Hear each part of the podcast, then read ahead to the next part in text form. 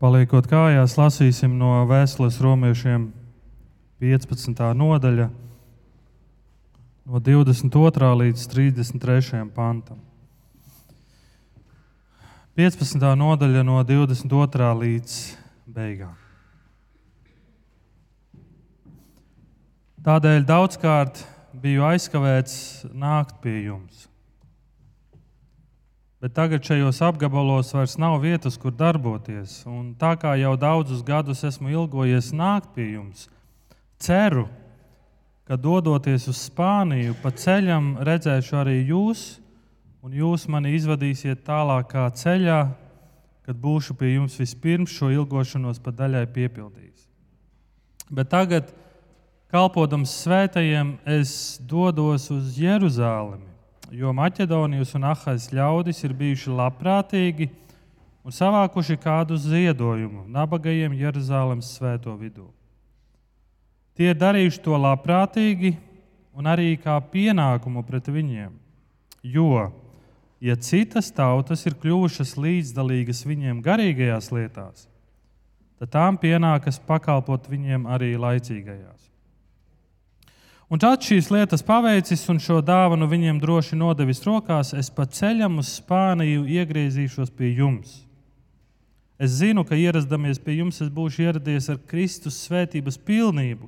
Brāļi, es jūs lūdzu caur mūsu kungu Jēzu Kristu un svētā gara mīlestību. Cīnieties man līdzi, lūdzot Dievu par mani ka es tiktu izglābts no nepakļāvīgajiem, kas ir jūdejā, un lai mana kalpošana Jeruzalemē būtu svētajiem tīkama. Lai es ar prieku varētu nākt pie jums un pēc dieva prāta kopā ar jums veldzētos. Miera Dievs ar jums visiem. Āmen. Lūksim Dievu.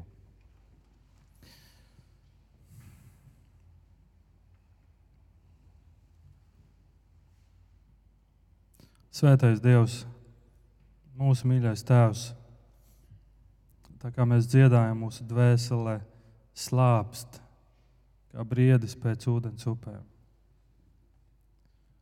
Kaut mūsu dvēsele slāptu pēc, pēc tā, ko mēs dzirdam, pēc izdzīvošanas, pēc tavu vārdu izdzīvošanas. Mīļais Tēvs, piedod, kad Tik daudz lietas mēs zinām, bet tik maz mēs darām. Daudzas lietas mēs šodien dzirdēsim, kuras jau zinām. Palīdz mums tās izdzīvot. Jā, es ļoti lūdzu, lai tavs vārds kā tāds zobens pāršķeļ mūsu sirdis un dvēseles un izmaina mūsu prātus, mūsu dzīves ka mēs piedzīvojam evaņģēlijas skaistumu. Svētī mūs kā draugi un svētī vienu, kas skatās online. Es ļoti lūdzu par tiem, kas nevar ierasties, ka tu dod viņiem spēku un lai šī online skatīšanās viņiem dod iedrošinājumu. Un es lūdzu par slinkajiem, kas skatās online un negrib nākt un būt kopā ar draugu. Es ļoti lūdzu, ka tu uzrunā arī viņu sirdis, ka viņi pārvar savu slinkumu un saprot, cik daudz ir svarīga. Ne tikai būt, bet arī kalpot. Un kā tas maina mūsu un apkārtējo dzīves. Svētī, runā, lai tavs svētais gars runā šodien uz mums ar tavu vārdu. Amen. Lūdzu, sēdieties!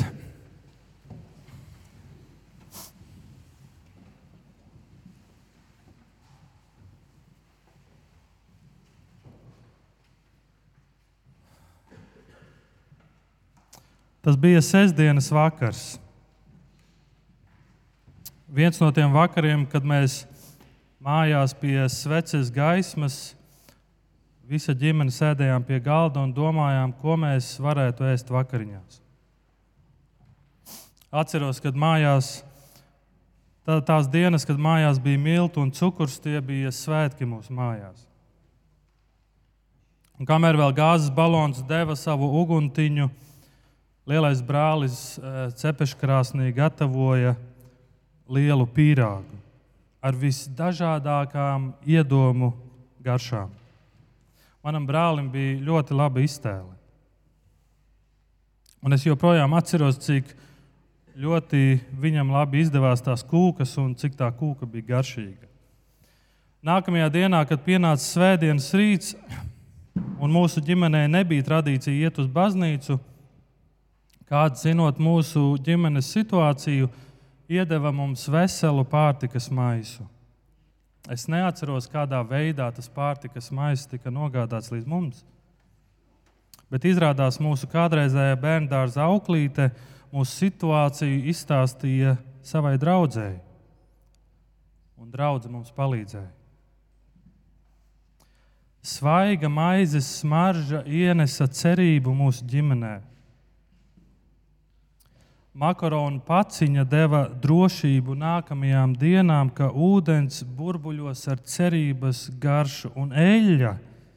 Ja jūs zinātu, ko eļļa mums stāstīja, eļļa mums teica, viss ir iespējams. Šis pārtikas maisis mūsu ģimenei bija labās ziņas.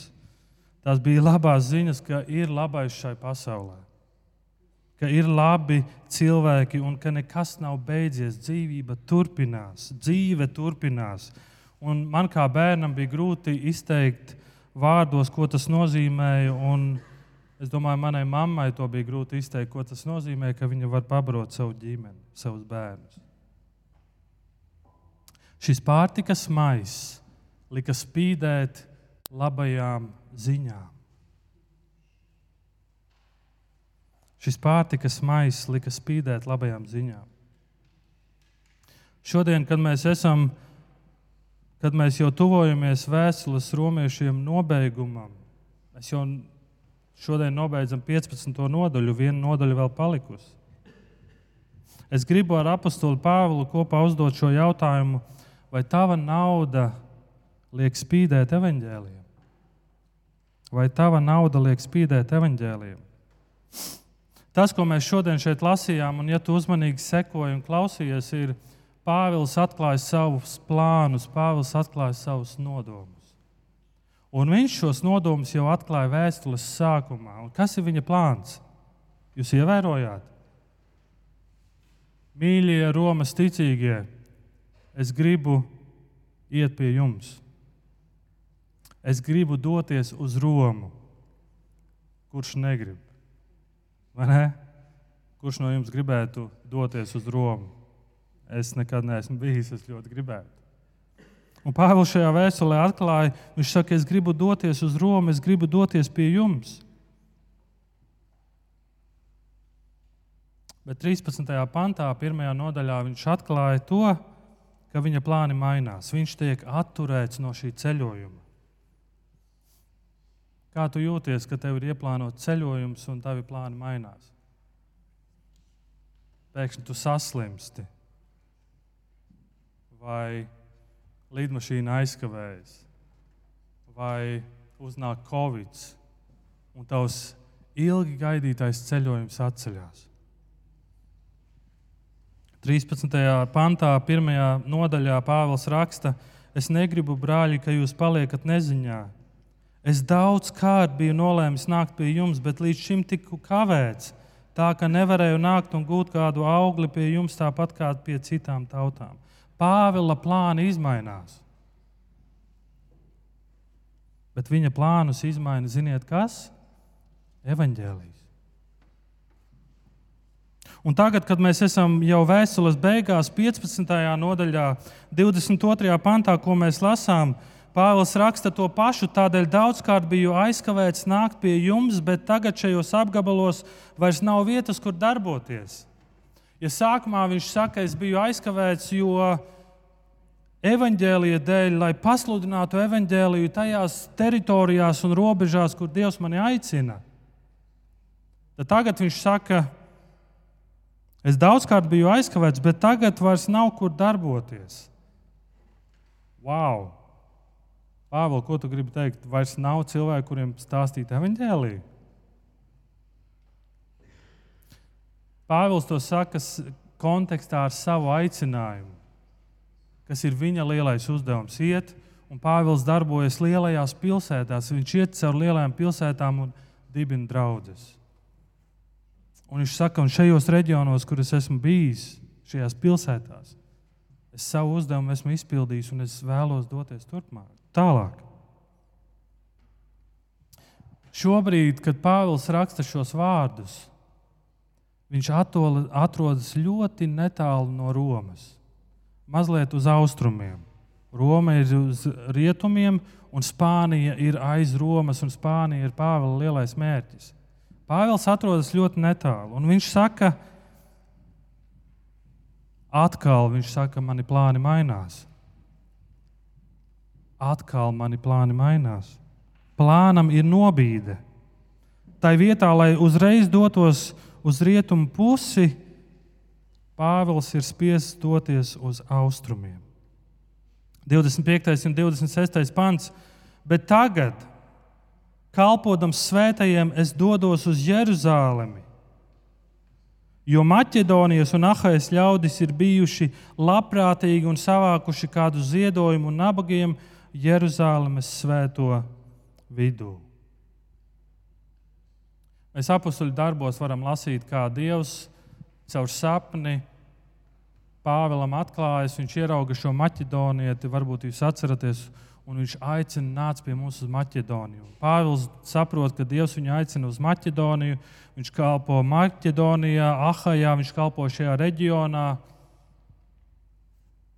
Un tad Pāvils saņem ziņu, ka Jeruzalemes reģionā, tur uz austrumiem, un to arī daudz vēsturnieku raksta, tur ir liels bats. Tur ir liels bats. Un ko dara šie kristieši, kas, šie pagāni, kas ir kļuvuši ticīgi Maķedonijā un Ahajā? Viņi saliek ziedojumus, lai tos nogādātu svētajiem uz Jeruzalemi, kur ir bats. Viņi saziedo līdzekļus. Viņi sanāk kopā, saliek kastītes, saliek busiņos. Tajā laikā nebija busiņi, bet viņi saziedo. Un par to mēs varam lasīt 2. korintiešiem 8. un 9. nodaļā. Tas ir tas, ko mācītājs Girts lasīja no šīs eh, vēstules. Un tad Pāvils 27. pantā raksta šādus vārdus. Tie ir darījuši to labprātīgi un arī kā pienākumu pret viņiem. Jo, ja citas tautas ir kļuvušas līdzdalīgas viņiem garīgajās lietās, tad tām pienākas pakalpot viņiem arī laicīgajās. Tātad, kas šeit notiek? Pāvils kalpojot šajā reģionā, un pagāni atgriežas pie Kristus, viņi, viņu dzīves tā izmainās, ka viņi saprot, ka viņi grib dot ziedojumu tiem, kas ir badā. Bet Pāvils šeit runā arī par pienākumu. Lai saprastu, ko Pāvils šeit saka, mums jāierauga mazliet tā lielā bilde. Kristietība sākas no vietas, ko sauc par Jeruzalemi. Un no Jeruzalemes tika izsūtīti misionāri, apstuļi uz visām, uz dažādām pilsētām, lai pasludinātu evaņģēliju. Līdz ar to tās vietas, kur evaņģēlijs tiek pasludināts un kur draudzes tiek dibinātas, Pāvils saka, viņi ir līdzdalīgi garīgajās lietās. Viņi ir līdzdalīgi, un Jeruzalem ir kā tāda mātes draudzene visām pārējām draudzēm. Un tāpēc Pāvils šeit saka, ka arī viņi to ir darījuši kā pienākumu, jo viņi saprot, tā ir mūsu mātes draudzene. Mums ir jāsūta viņiem palīdzība, jo viņiem šobrīd ir bats.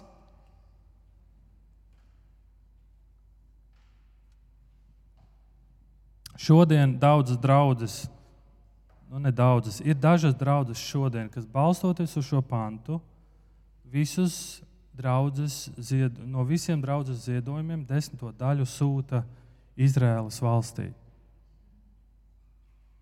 Tāpēc pagājušā reizē, kad Vīlandes eh, padome satikās, mēs nolēmām, ka mēs darīsim tāpat. Joks. Neuztraucieties, Vīlandes padome pieņem, ne, tie nav arī 20%. Bet ir kāds draugs, kas balstoties uz šo pantu, saprot, ka okay, Jeruzalem ir mūsu mātes draugs un mums jāsūta desmitā daļa. Bet ir svarīgi saprast, ka Pāvils nes ziedojumus jūdu kristiešiem, nevis jūdu valstī. Un Pāvils šeit, šis pants nav pavēle, ka mums ir jādara tāpat. Šis pants nav pavēle, ka mums ej un dari tāpat. Bet šeit ir kāds princips. Un es gribu, lai mēs ieraugam šo principu šajā pantā. Garīgām svētībām pamatota atbilde ir arī materiālās svētības. Ko es ar to domāju? Tas princips ir tāds, ka tie, kas mums kalpo garīgās lietās, mums ir tiem jāpalīdz arī laicīgās lietās. Tas ir biblisks princips, tā ir bibliska mācība, ka mums ir jāpalīdz un jākalpo tiem, kas mums kalpo garīgās lietās. Vai šodien tas tiek ļaunprātīgi izmantots? Jā. Šodien ļoti, draudzes, ļoti daudzas draudz, ir draudzes, ir sludinātāji, kas to izmanto ļaunprātīgi un tā iemesla dēļ Daudzi dzird vārdu baznīca, viņi saka, es negribu nekādu daļu ar baznīcu. Vai Pāvils šo izmanto ļaunprātīgiem nolūkiem? Nē. Un šeit ir arī, ir arī citi panti, kas šo principu apstiprina. 1. korintiešiem 9.11. Ja mēs iesējām jums garīgo sēklu, vai liela lieta, ja mēs pļausim jūsu laicīgos augļus? Galatiešiem 6.6 kas mācās Dieva vārdu, lai visos labumos dalās ar savu skolotāju. Tas ir Bībeles princips, ko Bībele mums māca. Un tas pats princips ir arī redzams vecajā derībā, ko Mārtiņš runā par priesteriem. Tur bija Dieva tautā bija levīti, un Dievs deva noteiktas norādes, kā tautai jārūpējas par levītiem, jo viņi bija tie, kas kalpoja Dieva sajiešanas templī, eh, teltī un pēc tam arī templī. Viņš teica, jums par viņiem ir jārūpējas. Šī daļa pienāks viņiem. Taču šeit Pāvils nerunā tikai par to, ka mums ir jādod, jārūpējas laicīgās lietās par viņu mācītājiem, par misionāriem, kas ir svarīgi, kas mums ir jādara. Bet ir svarīgi, ka mēs ieraugam vēl kaut ko.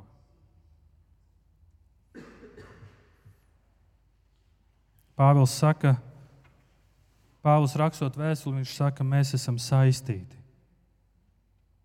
Mēs esam saistīti. Mīļā Vīlāns draudzene Pāvils grib ieraudzīt, ka mēs visi esam saistīti. Tāpat kā mēs esam līdzdalīgi garīgās svētībās, mums jābūt līdzdalīgiem arī laicīgās. Mēs esam līdzdalīgi. Iespējams, tu dzirdi vārdu līdzdalīgs un tu domā, nu, es aptuveni nojaušu, ko tas nozīmē. Iespējams, kādam tas vārds vispār neko nenozīmē. Bet, kad es domāju par šo pantu un par šo vārdu līdzdalīgs, un domājot, protams, par kā atbildīgs vārdu studētājs, tu paskaties, ko tas vārds nozīmē no grieķu valodas. Un, un grieķu valodā šis vārds skan šādi: Koino neo. Un iespējams, tu šo vārdu dzirdot, tev jau nāk atmiņā kāds ļoti līdzīgs vārds. Koino neo, līdzdalīgi. Vārds ar spēcīgu nozīmi, un vārds nozīmē dalīties ar citiem, būt dalībniekam, būt dalībniekiem. Jūs atcerieties apakstuļu darbu otrajā nodaļā, kad draudzene tiek dibināta, nāk svētais gars, un, un apakstuļu darbu otrās nodaļas beigās mēs lasām, ko draudzene dara. Viņi bija uzticīgi apakstuļu mācībai, sadraudzībai, maizes laušanai un lūgšanām. Lūk, pirmā draudzene, ko viņi darīja. Un šis vārds sadraudzība no grieķu, grieķu tekstā skan šādi: koinonija. Un šis vārds koinonija ir vairāk nekā draudzība. Tā ir dievišķi, intīma, svēta vienotība starp ticīgajiem. Tā ir dziļa kopienas sadraudzība starp ticīgajiem. Kad Jēzus bauda vakarēdienu ar saviem mācekļiem, tā ir koinonija. Pirmajā draudzē viss bija kopīgs, tā ir koinonija, ka tā ir tik ļoti svēta, intīma iz, sadraudzība, ka viņi izjūt viens otru. Vēstulē Efeziešiem Pāvils saka, man ir atklāts noslēpums. Un kas ir šis noslēpums? Sestajā pantā mēs lasām, pagāni ir kļuvuši par līdzmantiniekiem tās pašas miesas locekļiem un apsolījuma līdzdalībniekiem Jēzu Kristu caur evaņģēliju. Un šis lielais noslēpums, ko Pāvils atklāja, viņš saka, starp jūdiem un pagāniem ir notik, noticis koinonijā. Viņi tagad ir vienoti Kristū. Mums bieži vien to grūti izprast. Mēs to varam izprast kontekstā latviešu un krievi. Bet pagāni un jūdi, kad pēkšņi Kristū viņi ir līdzdalībnieki. Tas ir ļoti spēcīgs vārds, ļoti spēcīga nozīme. Un lūk, ko nozīmē draudzene, lūk, ko nozīmē ko Jēzus vēlas redzēt mūsos. Lūk, uz ko mēs tiekam atkal un atkal aicināti, ka mēs esam līdzdalīgi draudzē viens ar otru. Kā garīgās, tā arī laicīgās lietās. Manam meitām patīk skatīties multenītes.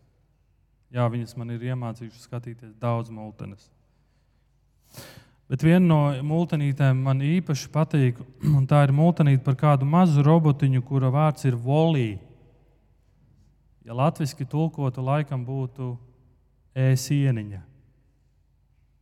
Un šis mazais mīļais robotiņš katru rītu pamostas un veic savus rutīnas darbus.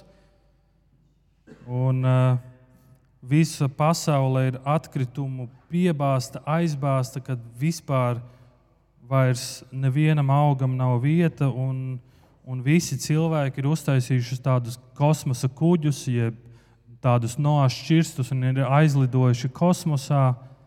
Un uz Zemes ir palikuši robotiņi, kuri vāc šos atkritumus un saliek tādās lielās kaudzēs, un ik pa laikam ar kuģiem ved projām kosmosā. Tā kā mēģina to Zemi attīrīt. Un ik pa laikam no kosmosa viņi sūta vēl kādu robotiņu, kurš lido pār Zemi un skatās, vai uz Zemes nav kāds zaļumiņš, kāds asniņš, vai nav kāda dzīvība uz šīs zemes. Un šis volī ir atradis mazu zaļu asniņu, kuru viņš ļoti sargā.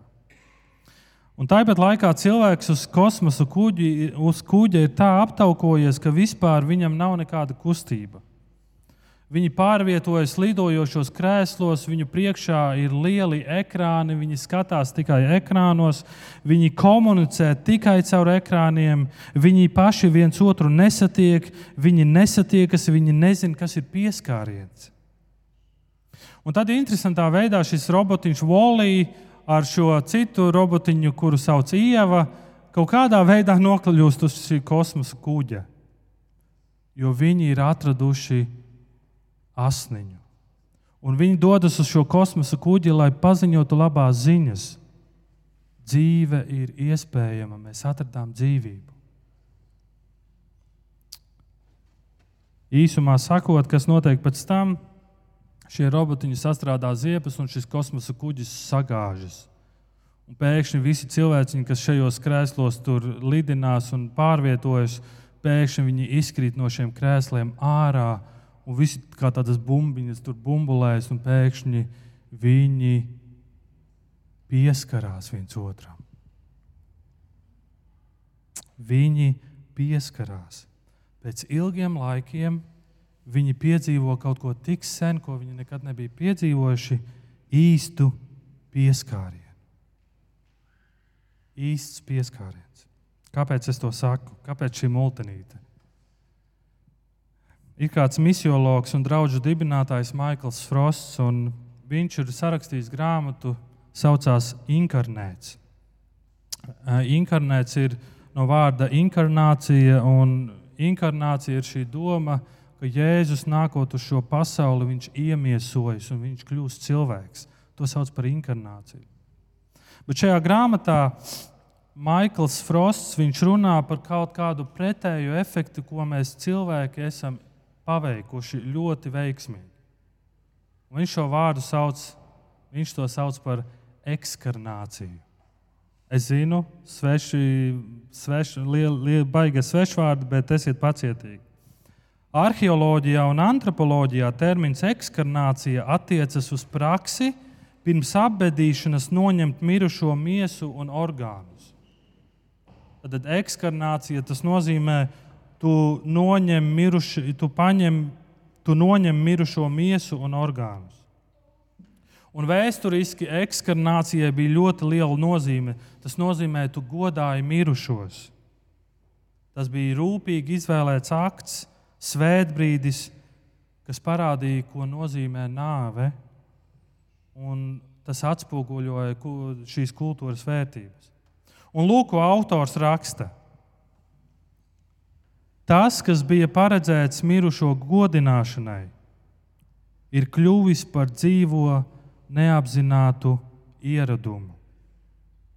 Ekskarnācijas praktizēšana uz mirušajiem piešķir dzīvē jēgu. Ekskarnācijas praktizēšana starp dzīvajiem ir destruktīva, vārdarbīga un nāvi nesoša.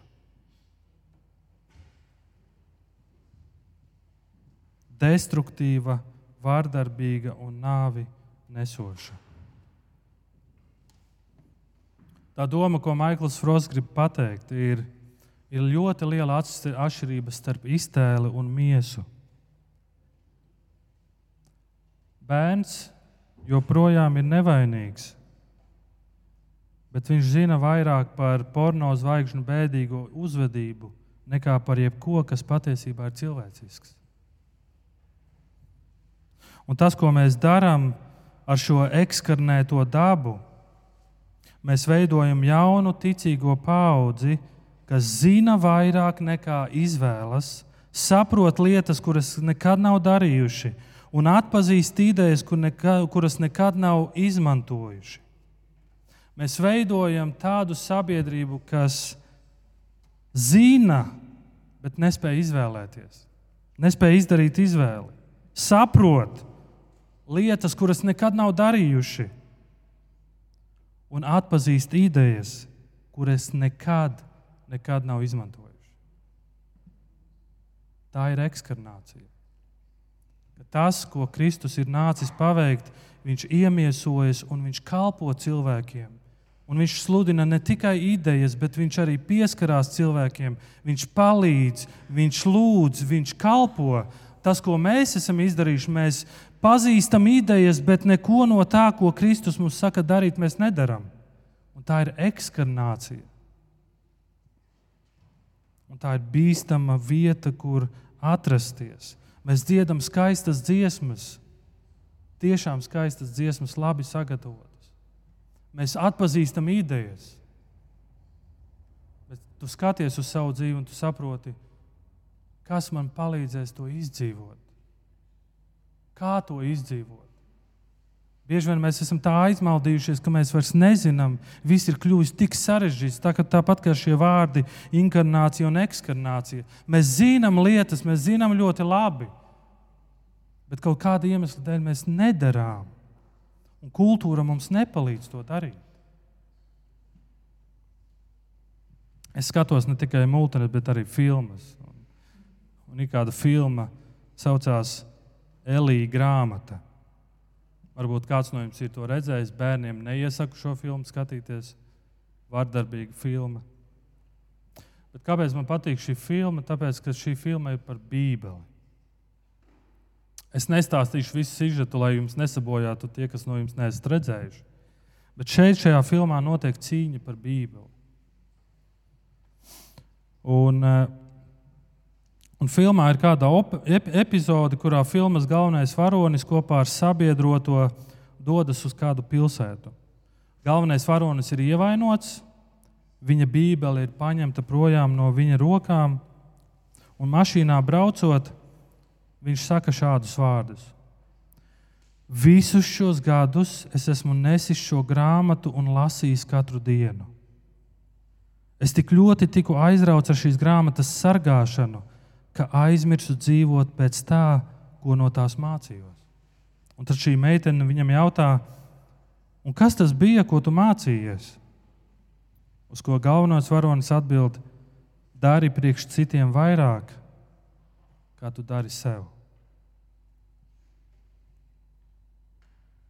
Kad Jēzum jautā, kas ir augstākais bauslis, Jēzus atbild: Mīl Dievu no visas savas sirds, prāta, dvēseles spēka un savu tuvāko kā sevi pašu. Jēzus ir mūsu piemērs šai inkarnācijai, šai iemiesošanai. Viņš iemiesojas sagrautā pasaulē un kalpo gan ar garīgām, gan laicīgām lietām. Un Jēzus ir arī Pāvila piemērs. Un tāpēc šodien, kad mēs runājam par Pāvila plānu izmaiņu, ir jautājums, kāpēc Pāvila plāns atkal mainās? Pāvils, kāpēc tavs plāns mainās? Kāpēc tu nevarētu doties uz Spāniju, tepat ir Roma, bet tu dodies uz austrumiem? Tev sanāk tāds 2000 km līkums. Kas Pāvilam liek mainīt plānus, kad viņa plāna nobīde ir 2000 km?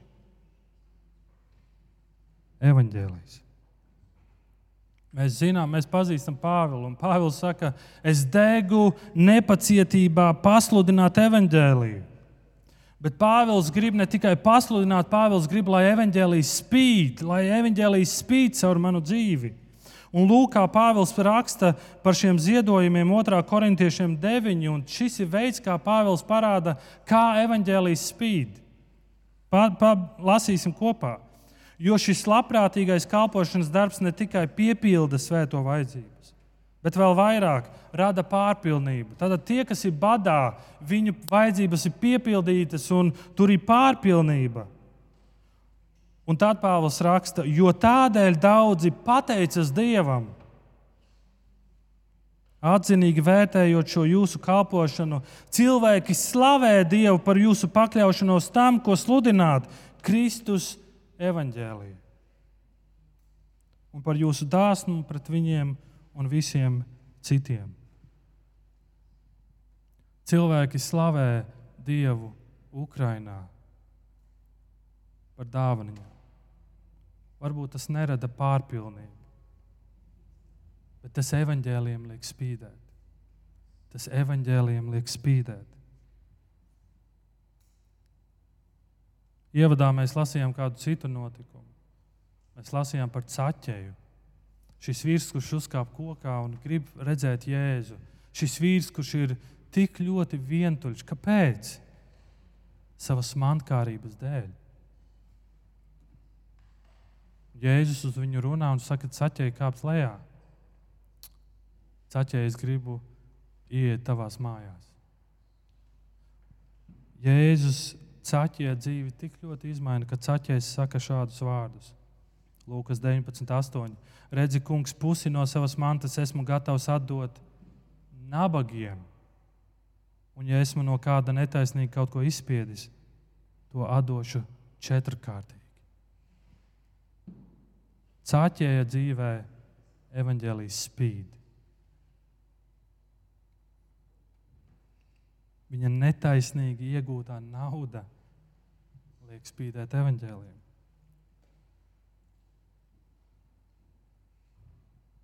Evangelijas mīļie izmaina dzīves, evanģēlijas izmaina plānus. Vai evanģēlijas ir izmainījis tavu dzīvi? Vai tu esi dzirdējis evanģēliju? Vai arī tu pazīsti šo ideju? Bet nekad to neesi dzirdējis. Varbūt tu pazīsti šo ideju, bet nekad to neesi satvēris, kas ir evaņģēlijs, kas ir labās ziņas, kas ir tas, ko Kristus manis dēļ ir izdarījis. Un kas maina tavus plānus? Mūsu dzīves plānus maina daudzas lietas. Mīļotā meitene, mīļotais puisis, ģimene, karjera, darbs, veselības problēmas. Šīs ir lietas, kas maina mūsu dzīves plānus, kas bieži vien nosaka, kurā virzienā mēs dosimies. Jūs zināt, kas Pāvila plānus maina, ka viņš ir tepat Romā. Viņš varētu vienkārši nākt uz Romu. Viņa plānus maina evaņģēlijas. Viņa plānus maina evaņģēlijas. Un Galatiešiem 6.10. Pāvils raksta šādus vārdus: Tad, nu, kamēr mums ir laiks, darīsim labu visiem, īpaši tiem, kas ticībā pieder pie mūsu saimes. Mēs visiem nevaram palīdzēt, bet kā būtu, ja mēs sāktu lūkoties apkārt, sāktu skatīties savā draudzē? Vai ir kāds, varbūt, kuram vajadzīga palīdzība? Vai būt ir kāds, kurš cieš, varbūt ir kāds, kurš nevar izvilkt mēnesi?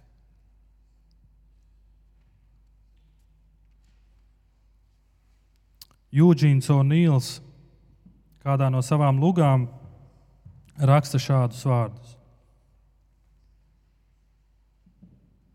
Kādēļ man ir bail dejot, ja man tik ļoti patīk mūzika, ritmi, grācija, dziesma un smiekli?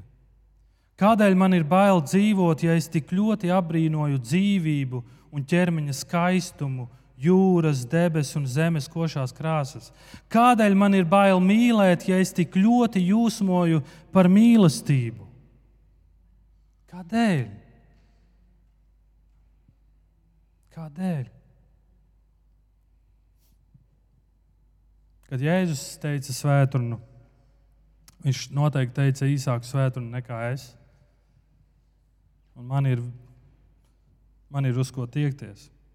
Bet Jēzus savā svētdienā saka, ka mēs esam gaisma.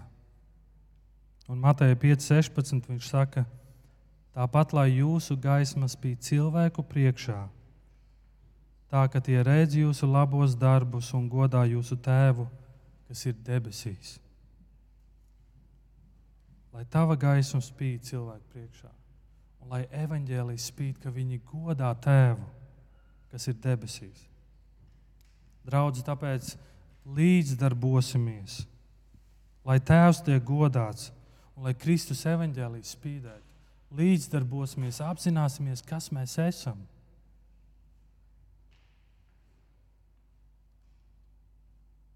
Līdzdarbosimies tajos veidos, ar tām dāvanām, kādas Dievs mums ir devis. Lūksim Dievu!